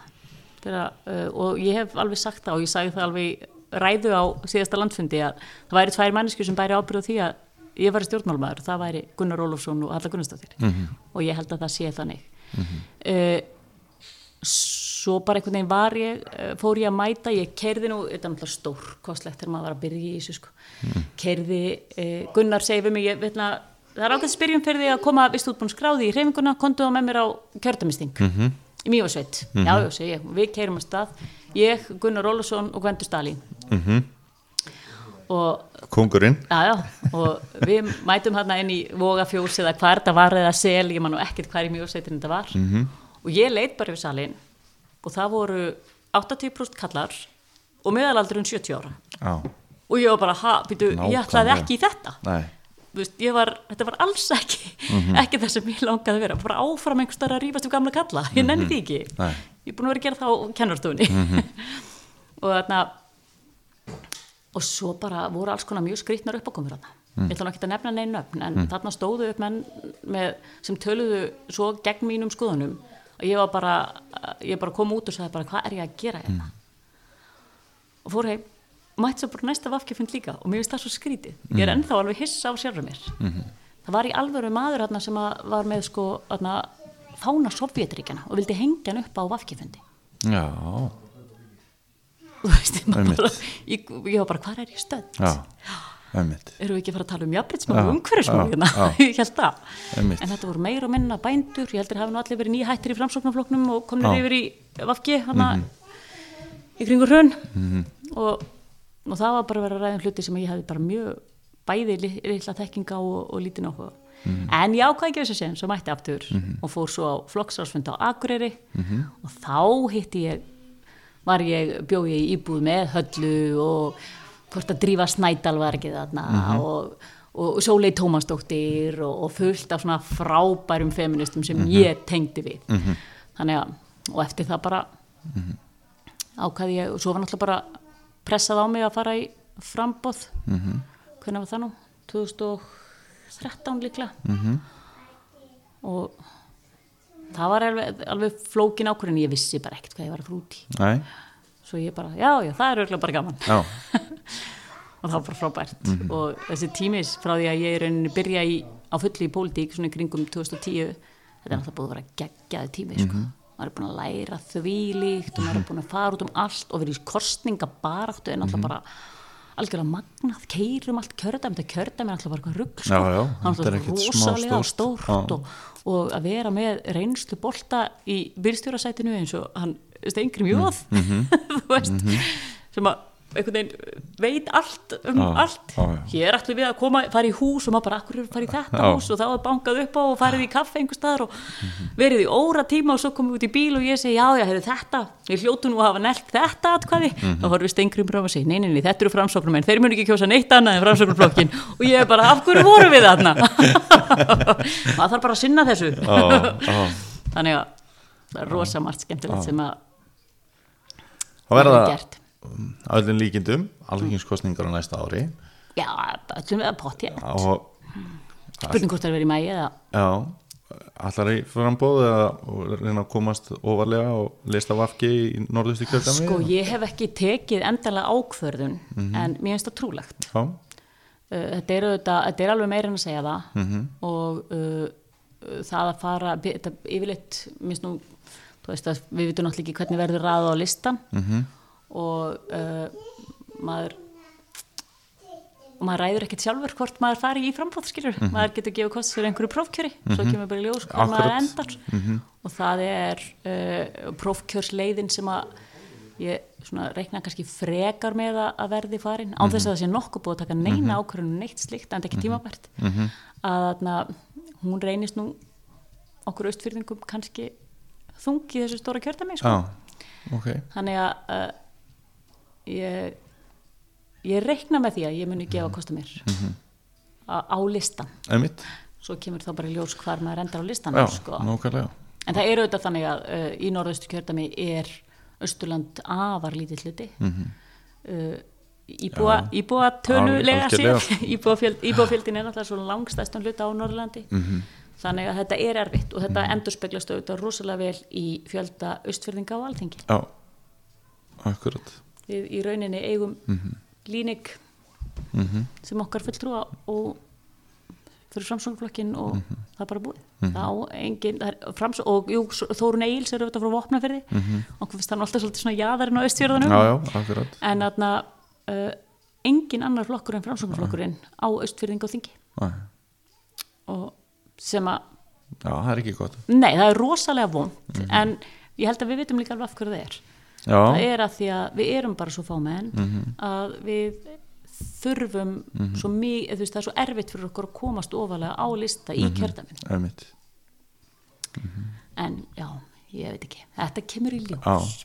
Þetta kemur í ljós. En hvernig, þú veist að því að hérna, ég hef svolítið uh, upplifað hjá þér eins og þú sért líka bara í baráttu í þínu nærsjónfélagi með þína skoðanir já, sem er ótrúlega fyndið. Eða, ok, ekki fyndið, það er ótrúlega skrítið. Já, að því að ég er ekki í bæjarpolítík ég er í landsmálapolítík og ég er ekki mikið að flagga mínum skoðunum hér. Mm. ég skrifa afar fáar greinar. Ætti sannarlega að skrifa fleiri. Mm. ég flagga mínum skoðunum afar lítið á samfélagsmiðlum. Mm. Ég deili stundum greinum. Mm. ef að ég sé einhverja frábæra grein eftir mm. Svandísi Svavast eða eitthvað þá deili ég henni. Þú veist, þetta eru svona uh, þannig eiginlega deili ég síni ég skoðanir mínar. En það var ótrúlega gott að spurði ein vinkona mín fyrir nokkrum árum og sagði Ingibjörg, hvenar var skotleifið gefið á þig í neskustaf? Já, og ég sé, hvað meinar bara það er augljóst skotleifi á þig. Það má segja ljóta hluti um þig það má segja ljóta hluti við þig það má segja ljóta hluti við vinið þína um þig og eitthvað, Uh, hvað hva var það sem var til þess að það var gefið út skotleifi á þig? Ég, ég veit það ekki. Mm. en, Finnur þið þetta sem hún er að minna? já, Já. ég hef alveg stund fundið þetta og, alveg, og þetta eru alveg stundum er þess að haft áhrif á starfið mitt. Ok, það var alveg, foreldrar hafa ekki liðið vel með það að ég sé að kenna bönnunum þeirra og sérstaklega í kringum kostningar ah, ok. Og einhvern veginn látið eins og ég sé með einhvern pólitískan áróðurinn í kennslustundum eða, eða eitthvað, ég veit það ekki. Og uh, ég hef fengið uh, mjög ljót engarskilabóð og símtöl og alls konar sko. ok. Já, þannig að Og en, úr þá meira nær samfélaginu heldur en bara Já, samfélaginu ok, þannig að þetta er aðbyrlega þeirra Já, en eins og ég segi, ég, ég átta mig ekki á því og það ætti mjög vantum einhver getur bent mér á það Já. hvað það er sem að gera það verkum að fólk einhvern veginn á mjörð með að virða skoðanir mínar mm. af því að ég er ekki eins og ég segi, ég er mjög lítið að gafs bara með þær ég er mjög lítið að að, að uh, þú veist langar í raunin að gera miklu meira því -hmm. og uh, minn svona minn stuðningshópur er ekki á Norrfyrði sko. -hmm. sem stjórnmálamanns. Nei, einmitt. Og þegar að fólk til dæmis uh, fólk sem að uh, er að hvetja mig áfram og kýs mig og er stolt af því sem ég er að gera að það segir það ekki á samfélagsmiðlum það segir það ekki ofnbærlega það kvíslar því að mér í Já. jólkukælinum neyri búð. Djöfull er ég ána með Já, Ekki segja neinum samt þar á því. akkurat og þarna, þú veist, og svo er kannski einhver fundur og ég segi einhver sko, segi, einhver, segi eitthvað á einhverjum fundi kannski, þú veist, eins og finna fyrir bæðastjórnarkostningar mm. man ég eftir að ég, löngu búin að gleyma hvað það var, ég stóð upp og spurði að einhverju, mm. semst frambjóðendur og það komu nokkri til mín eftir fundinu og svo, djúð var þetta gott hjá þér Ingibjörg? Og ég svaraði alltaf, já það hefði verið gaman ef þú hefði staðið upp og tekið undir með mér. -hmm. en því það gerði enginn. -hmm. og það klappaði enginn. Og eins og sé ég, ég veit ekki hvað það er sem er ég, e- eitthvað neginn hlýti ég að vera eitthvað augrandi eða Já, þetta er mjög áhugavert já, en allavega uh, er það þannig að og kannski er þetta ekkert svona flókið kannski er þetta bara þannig að við búum í mjög karlægu samfélagi mm. og þá meina ég uh, karlægu samfélagi á landsvísu Mhm. já, ef þú ferð uh, ef þú ferð inn á höfuborgsvæðið Mhm. að þá er ekki sami launamunur mellir kalla og hvenna Mhm. það er ekki þannig að uh, kallar séu uh, svona ofalega í öllum fyrirtækjum og eitthvað, við erum daldið eftir þarna Mhm. og kannski það að vera með sterkar skoðanir varðandi uh, feminisma Mhm. og að tala ofinbarlega um það og segja jú ég er feminist og ég held að við verðum að breyta einhverju hérna Mhm. kannski er það mjög mikil órum vita samfélag Mhm. við þetta kalla samfélag einmitt þar sem að einhvern veginn við berum mesta virðingu fyrir sjómönnum og Mhm. álversverkamönnum og eitthvað svona en, en ekki Þú ert náttúrulega líka uh, í starfstétt sem að nýtur ekkit rosalega mikil að virðing nei, svo er það það. Ég er bara kennari. Mm Þú er bara kennari og, og þú ert alltaf í fríi Já, og ef þú ert ekki í fríi já, já. þá, þá er ertu að vælandi. já, einmitt, og þá er eitthvað að slugsa í vinnunni sko. já, einmitt. Já, og svo væli ég stanslast Já. undan, undan ég hafi já, þetta er, er staðalímyndin. þetta er svolítið staðalímyndin og svo auðvitað megum við ekki gleyma í þessu samhengi að uh, vinstri mennska Mm. í nefnskapstað sem er náttúrulega hefur sterkari rætur heldur en á flestum öðrum stöðum er ekki mín vinstri mennska Mhm.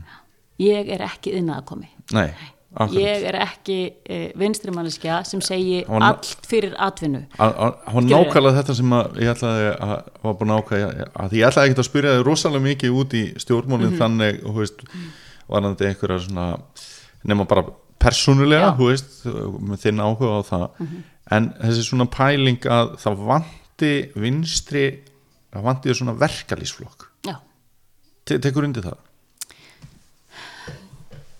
ég, sko, ég veit það nú ekki sko, ég held að kannski að það voru svolítið gömlu vinstrikallinni, þeir voru rosa svona verkalýs eitthvað. Og það sem að fólk dettur inn í oft þar er að uh, og eins og þetta var eins og gömlu vinstrikallinir hér voru sem að fóru ekki yfir í Vafki heldur fóru allir yfir samfélkinguna uh, þegar alþjóðbandarlegið var lagt niður að þar er vinstrimennskan uh, atvinna. Atvinna, atvinna. Það eiga allir að vera að hafa atvinnu. Og það er jafnaðamennska og nummer 1, 2 og 3 og það er það sem við berjumst fyrir. Sama hvað. Meðan að ég Uh, mín vinstri mennska er, jú, það eiga allir vera jafnir, það eiga allir hafa atvinnu við eigum ekki að vera með mikinn launamun á milli fólks og allt þetta og jöfnuður á að, að ríkja en við sköpum ekki atvinnu á kostnað við segjum hvað sem er, við drekkjum ekki hér hálfu hálendinu bara því að það þarf 400 störfu á Einmitt. þú veist. Fórnarkostnaðurinn, við verðum að meta hann og, og, og það til dæmis að vera á móti stóriði er, sem ég er, er auðvitað bara rosa erfitt í þessum bæ hún saði hérna söngkona á hún á eigirstöðum byrju, hvað, ég man ekki alveg hvað hún heitir, var, í, var að syngja í hljómsdynni Bloodgroup hún til Lilja, Lilja og með rakkabróðu sínum og, og fleiri. Ég þekki pappa þeirra. Já ok.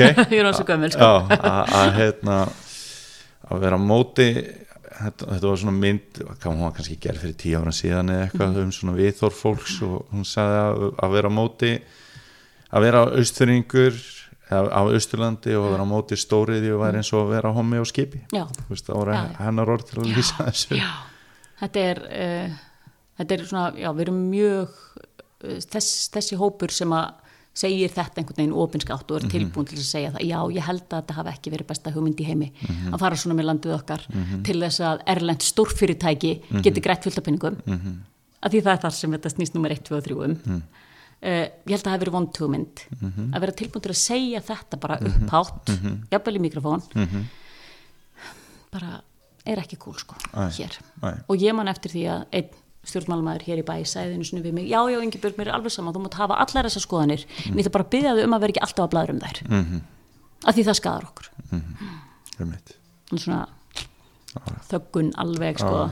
Einmitt. karlmaður að tala við yngri konu Hrútskýring. Ég skal segja þér hvernig þetta er, Ingebjörg já, en þú mátt alveg hafa þetta eins og þú veist já, já. bara- ekki það er gott úrskrifaðir, ekki greinar um þetta og værir ekki að tala mikið um þetta. Æ, æ. Einmitt.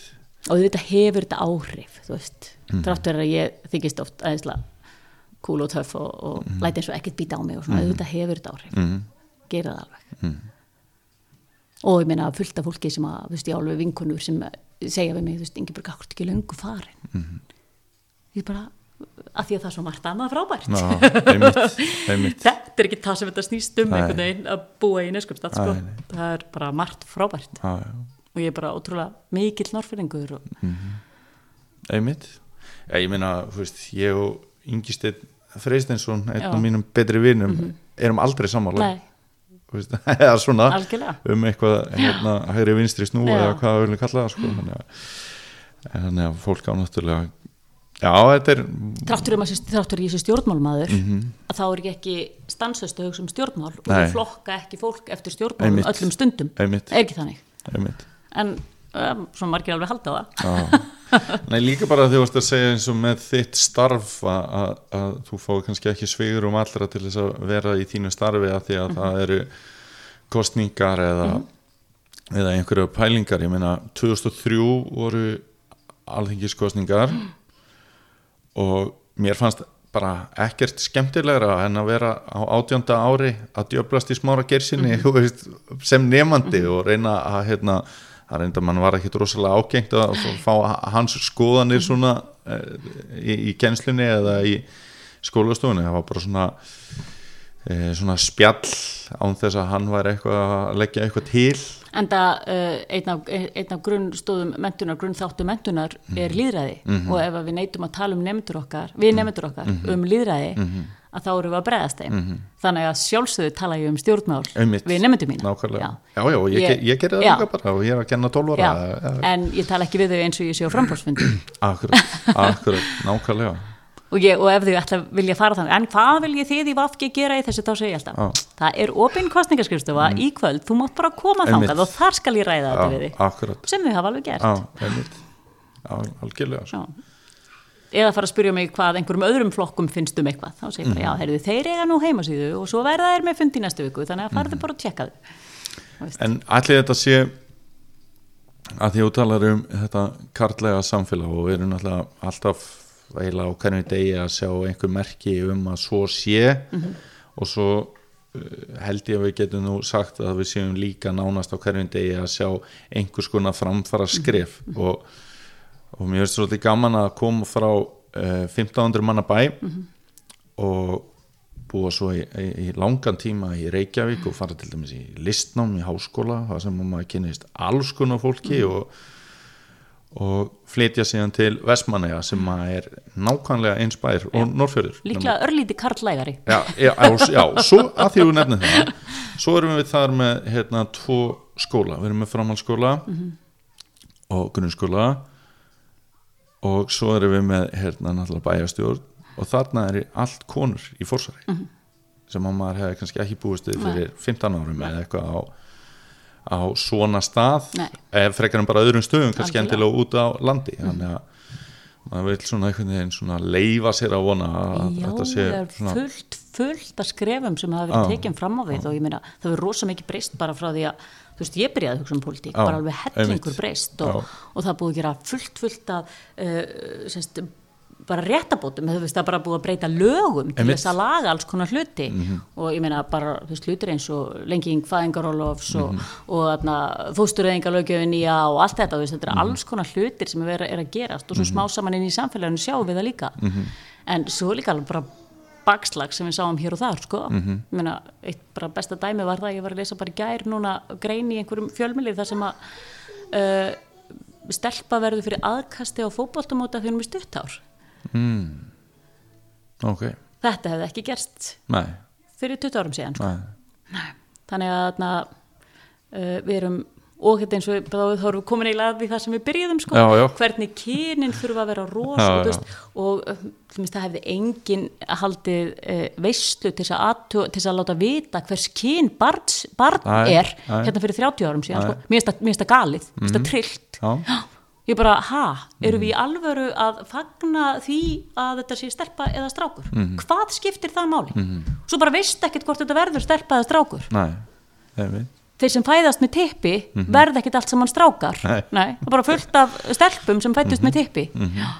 og þú veist og einhvern veginn að vera að tala um sko lítil börn þegar uh, sonur minn nær sér í konu sonur þinn nær sér kannski bara í kall Mhm. þannig að veist við erum ekkert komin áfram í mörgu. Nei, og einhvern veginn hvernig við setjum sko svona merkimiða Mhm. á kynin, pínu lítil bleika bláa þú veist á fæðingadeildin, ég fæ alveg kast sko. já, já, þannig að við erum líka alveg á leiðinni aftur. Já. við tökum vonandi tvö skrif fram og eitt skrif aftur. Og svo aftur tvö skrif fram og eitt, eitt skrif aftur. Þetta er einhver barátta sem að verður hérna, eh, lengi höfð. Já, Þannig að En mér langar þá að fara í svona kannski síðasta kaplan einhvern veginn í þessu spjalli Mm. uh, Hér hangir fáni á, á bílskurnum Mm. það sem að stendur V5 og það það er nú svolítið fyndið að, að hérna oft gera karlar merkilega hluti eða hvernig þetta, Mm. Já. er, þetta er sagt og, og ég veit að þér hefur verið rosalega mikið rósa fyrir þetta verkefni sem Mm. Já, að já. Arnar er raun og verið með það algjörlega, algjörlega. Enda, enda er Arnar, býr, býr Arnar við þá hræðilega stöðu að vera oft kallað Arnar maðurinn en ekki bjargar já, En það voru tónleikar hérna í, já. þar sem var, eh, var harmonikuball Mhm. út á götu eða ekki og, og, og þeir eru búin að vera með þriðjödags tónleika hérna bara í bílskurnum hérna heima hvernig er búin að vera með þetta lengi og hvernig hann er búin að vera með. Já, bara algjörlega hann, ekki þeir saman eitt nei, eða, nei. þetta er, ég, ég er ekki tónlistamannskja og Mhm. kem ekki nált þessu að öðru leiti en því að sjálfsögðu að þetta er húsið mitt Já. og fólk enda stundum hér inni og Já. stundum eftir tónleika eru hér 20 manns komnir hér inn í bjór og Já, ok, ok. það er samt minkað sem betur fyrir það er ekki mjög gott að vera þunnur alltaf á sumrin. En það er semst þannig að þetta er fjórða sumarið Mhm. uh, Já, þetta er fjórða Já, þetta er fjórða sumarið. Hugmyndin var þannig að Arnar er semst í hljónsveit Mhm. sem heitir DDT Skortireitur þeir æfðu alltaf á þriðutum Mhm. og uh, ger, gerðu það bara voru búin að gera það í langan tíma Mhm. og þá einhvern veginn kemur einhver hugmynd um það hvort það er hægt að opna bílskúrin Mhm. þannig að æfingin sé opin uh, þetta er sérst svona fyrsta pæling Mhm. þetta endar síðan og vindur upp á sig Mhm. í það að þeir urðu algjört aukanúmer og Mhm. þeir spila hér í bílskúrnum ef að það vantar einhvern Mhm. en uh, öllum uh, öllu tónlistafólki Mhm. stendur til bóða að nota þennan bílskúr Mhm. og koma hér og spila á þriðudagskvöldum í júni og júli Mhm. uh, hér uh, hafa verið uh, 20 manns Mhm. í roki og rigningu Mhm. að hlusta á eitthvað Mhm. hér hafa verið 200 manns Mhm. Að hlusta á Prins Pólo Mhm. eða Östurvíkstöðarnar eða, eða þú veist, Coney Island Babies eða þú veist hvað það er sem er. Þannig og hér hafa verið krakkar sem hafa aldrei komið fram neinstaðar og eru að spila í fyrst skipti. Og hér hefur verið uh, þaulreint tónlistafólk Mhm. og, og þetta, mér finnst þetta svo fallegt.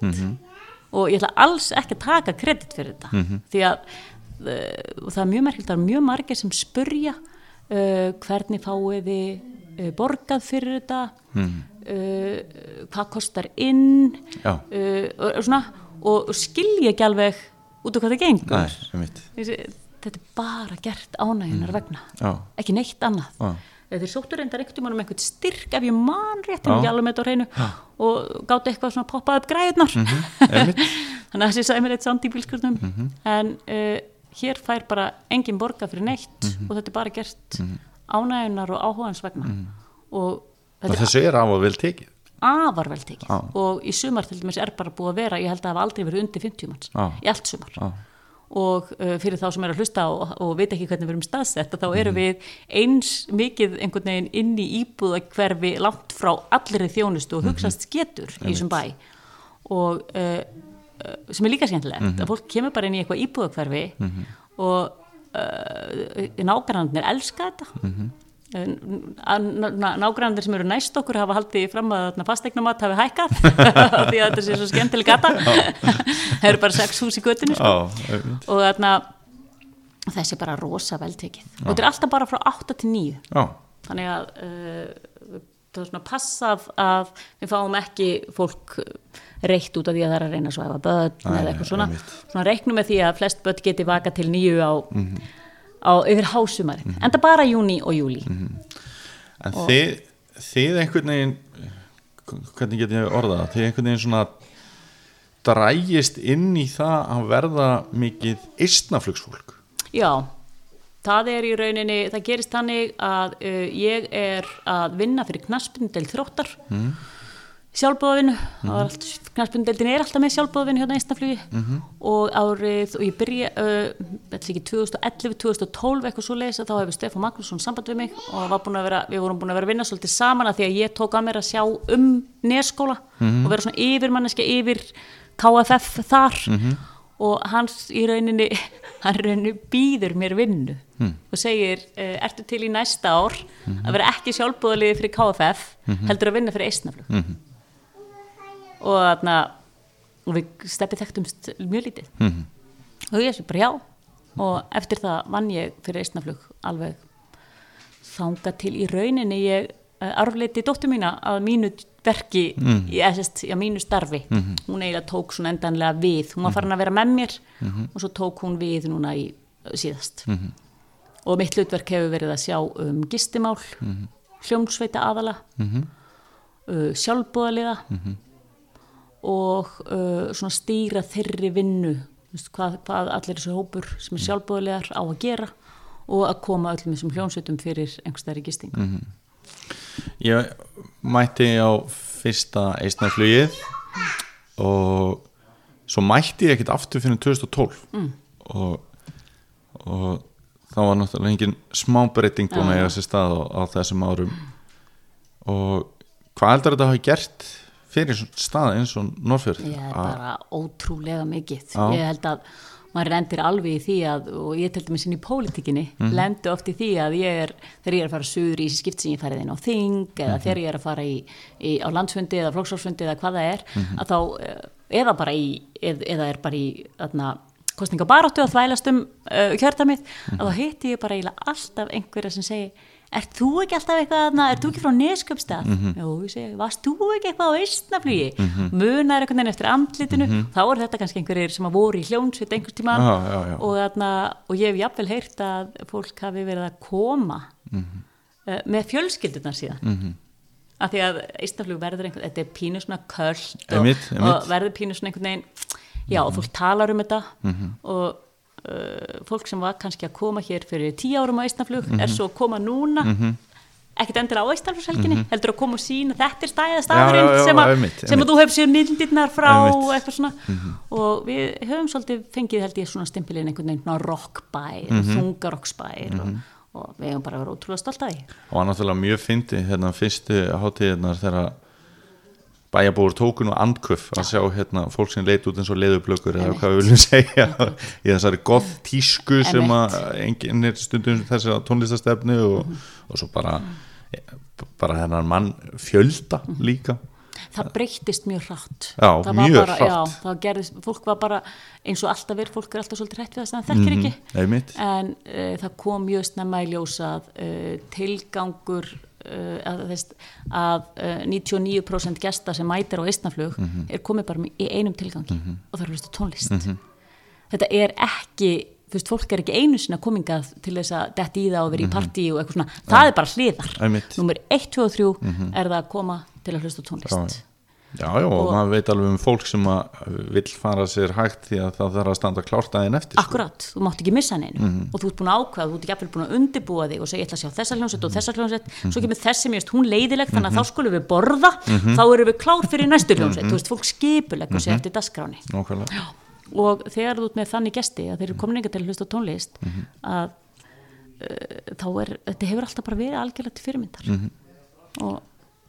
og bara samskipti eistnaflugs gesta, eistnaflugs uh, hvað við þetta, haldara og, og, og tónlistamanna við bæjabúa hafa verið frábær. Og ég held að, og mér finnst einhvern veginn bæjabúar almennt tala mjög fallega um þessa hátíð. Einmitt. hlakka til, mm fólk segir það alveg ó ég hlakka til, nú fyrir eistnaflug að koma.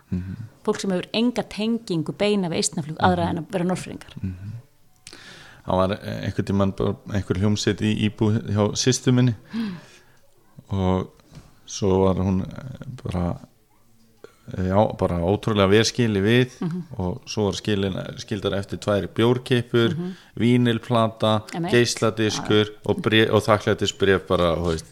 Þetta þekki ég mjög vel. Að- vera umvafin gjöfum eftir já, þetta er, er góður andi sem að ríkir yfir þessari hátíð. En heldur að hún muni standast það að vera ekki haldin eitt skipti og, og svona við sem að fara að mæta á Eistnaflug 2026 Ég, ég vona það, sannarlega Mhm. en á móti kemur þá líka held ég að við uh, þurfum, þú veist það gerist samt ekkert þótt að eistnaflug líðundulok mm Mhm. -hmm. þá er þetta bara einhver kapli í sögunni sem var frábær einmitt. og það er bara allt í lagi við Einmitt. heldur ekki einhvern veginn halda einhverju gangandi sem virkar ekki Nei, en ef það virkar og ef það er grundvöldu fyrir þessu þá er sjálfsögðu að halda áfram einmitt en Nákvæmlega. einhvern veginn ekki já, við erum að passa okkur að þetta ekki einhvern remping og einhvern Mhm. söknuð og einhverju nostalgi og eitthvað. Heldur stundum á mega hluti taka enda. Einmitt. En ég vona sannlega gera já, ég segi það með þér. Ég hef nú ekki komið á nýtt svakalega marg ég hef kannski komið á sex átíðir eða eitthvað sko. Að Herri, þá langar mér bara að spyrja þér loka spurningu. Mm. þá svo við endum eiginlega það sem við byrjum í fyrirðinum hérna. Mm. Hvert er þitt uppáhalskennileiti Norferi? Vá, þessi var mjög flókin Já, ég spyr oft þeir sem búa ekki hér og Já. í þáttinn hvað er það sem að færi til að hugsa, já, nú er ég Já. komin heim uppáhalds já, svona uppáhaldsstaðurinn minn í fyrðinum er líklega Bakkasel já, sem er sumabústaðar fóreldra minna Mhm. hérna í teig þar sem að na, Bjössafi og Laugama Mhm. Áttu bústað sem var byggðu 1951 Mhm. og það er bara svona skóur og þetta er bara svona fallegasti staðurinn Mhm. bara fallegasti staður í Íslandi finnst mér en þarna erum við aftur komin í þannig er þetta sjúklega Já, einmitt. þetta er bara því að Það var persónuleg já, spurning. já, akkurat en þú veist, það er fullt af æðislegum stöðum hérna og, Mhm. og ég eins og segi, ég, hérna, mér þykir væntum bara alls konar þúfur hérna, þú veist, það er Mhm. bara steinn hérna fyrir ofan húsið okkar, svolítið langt fyrir ofan, þar sem er alltaf rjúpna skítur, það stendur alltaf rjúpna karri og rópar og þú veist, og maður sér ummerkin eftir hann og þú veist, þykir rosa væntum þann stein. Já. þú veist, það er alls konar hluti en ég verð að segja baksel höfum það loka á orðin. Takk kærlega fyrir spjallið Ingeborg og, og gangið vel í þínum verkefnum. Já, takk fyrir mig